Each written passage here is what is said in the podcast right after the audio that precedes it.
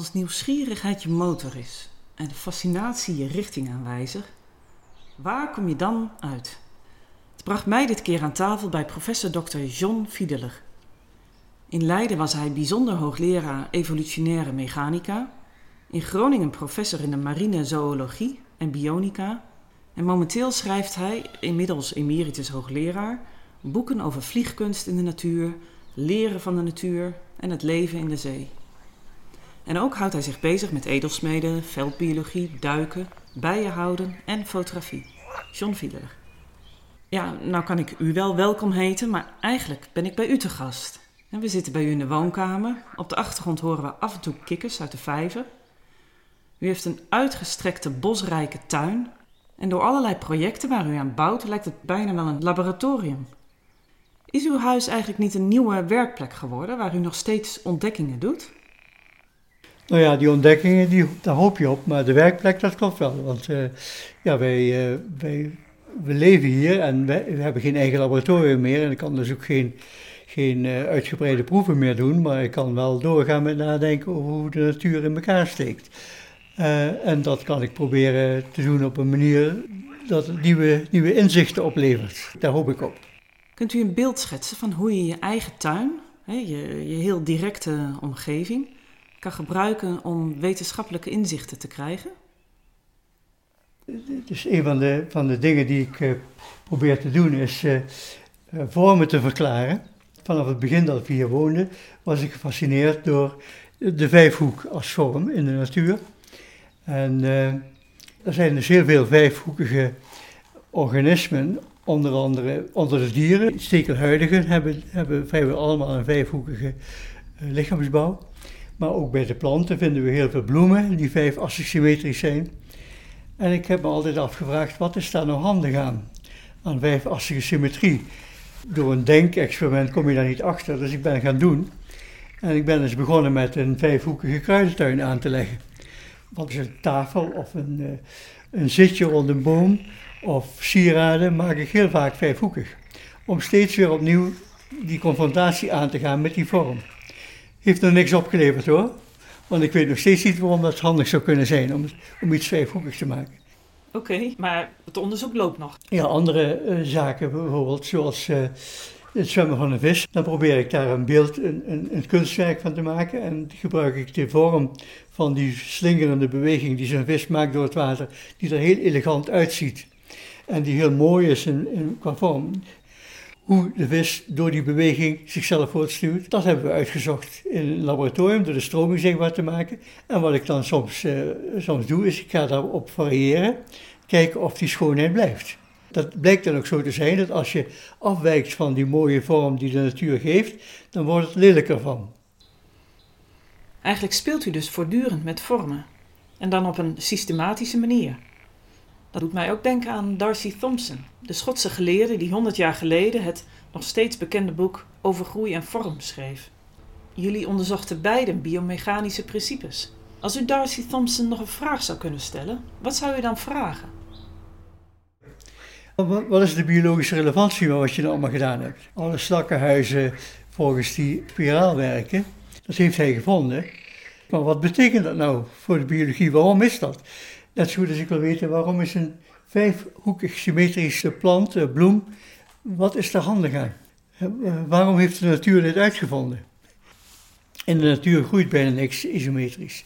Behalve dan een paar uitzonderingen, dat zijn die slakken. Als je dat wiskundig bekijkt, is dat heel moeilijk om dat na te doen. Maar de natuur doet het. Maar waarom? Waarom is dat zo handig? Dat weten we niet. Uh, dus dat, die vraag die heeft hij niet beantwoord en die kan ik ook nog steeds niet beantwoorden. Ja, wat dat betreft valt er nog veel te leren uit de natuur. Maar volgens mij zijn er ook zoveel variabelen waar je rekening mee moet houden. Hoe brengt u daar nou structuur in aan?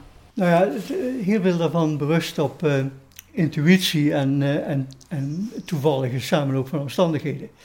Ik heb al jarenlang tientallen jaren lang aan het zwemmen van vissen gewerkt. En een van de belangrijke dingen daarbij is de weerstand van een vis als die zwemt. En eh, een andere uitgangspunt wat ik vaak kies is, als je zoiets wil onderzoeken moet je een extreem geval kiezen. hele extreme gevallen. Nou, bij het zwemmen van vissen, de meest extreme zwemmer onder de vissen is de zwaardvis. Die gaat het hardste, die kan meer dan 100 km per uur waarschijnlijk. En die heeft dus daarmee die weerstandsproblematiek voor een groot deel overwonnen.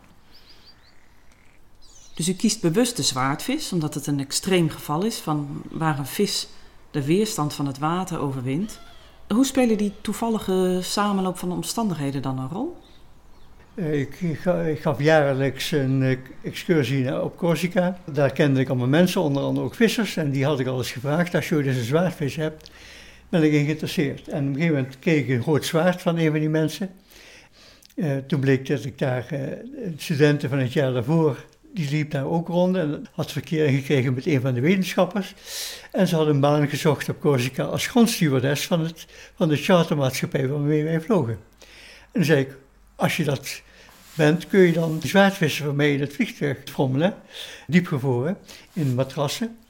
En dat kon ze. En we hebben ze mee naar Groningen genomen. En daar had ik toevallig een vriendje, die was hoofd van de oncologieafdeling. Die had net een nieuwe MRI-scanner gekregen. En die zei, waarom doen we die, die dingen niet in de MRI-scan? Zijn we een keer s'nachts hebben we zo'n zwaardvis door die MRI-scan gedaan. En nu ben ik, ik ga nog weer verder. Ik heb in de diepvries staarten van zwaardvissen liggen.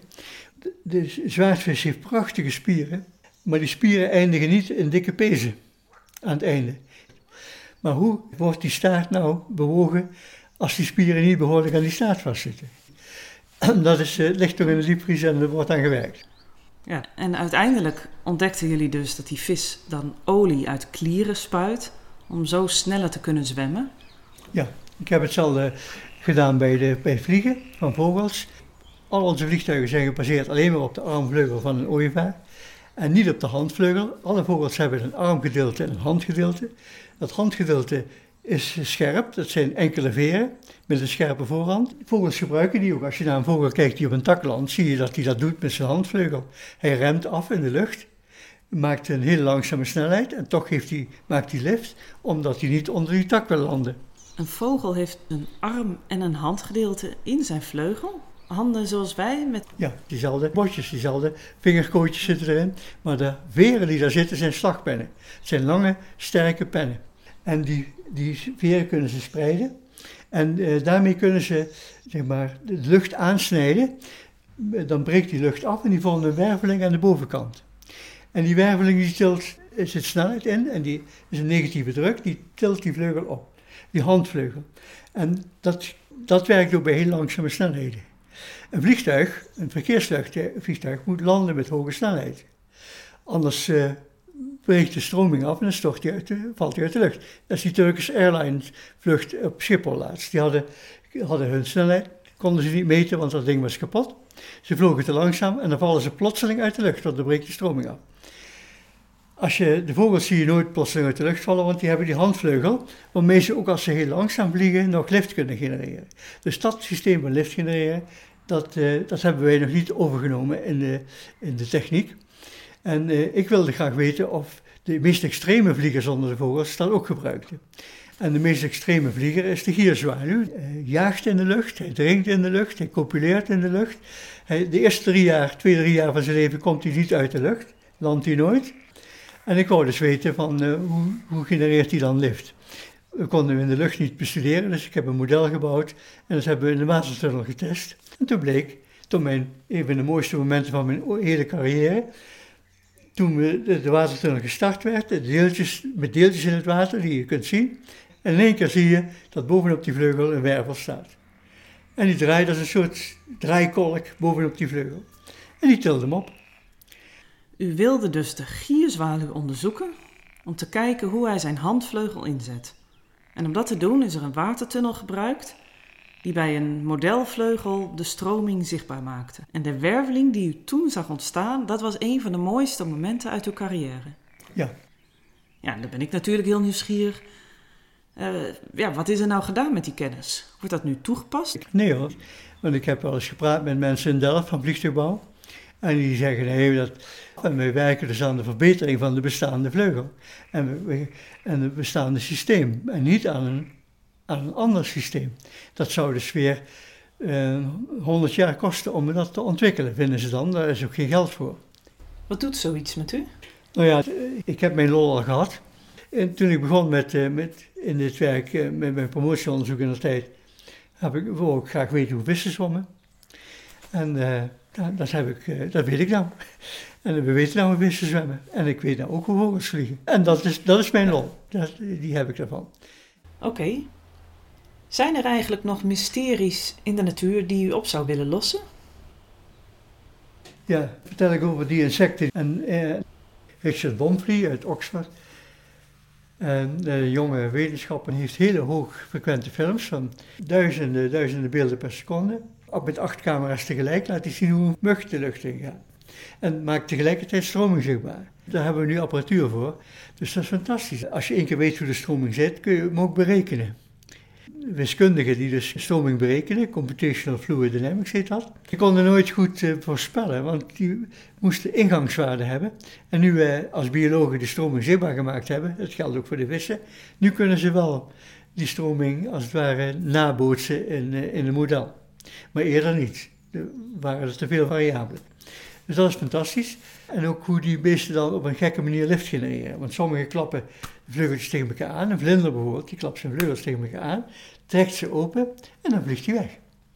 je ziet een vlinder nooit over een tak rennen. Hè? Hoe dat werkt weten we zo langzamerhand. We hebben gezien dat daar een werveling optreedt die hem omhoog tilt. En nu wou ik nog, en daar weten we nog heel weinig van, uh, als je libellen ziet vliegen bijvoorbeeld, dan zie je dat die libellen die komt aanvliegen, staat stil, gaat achteruit, gaat dwars uit. Gaat...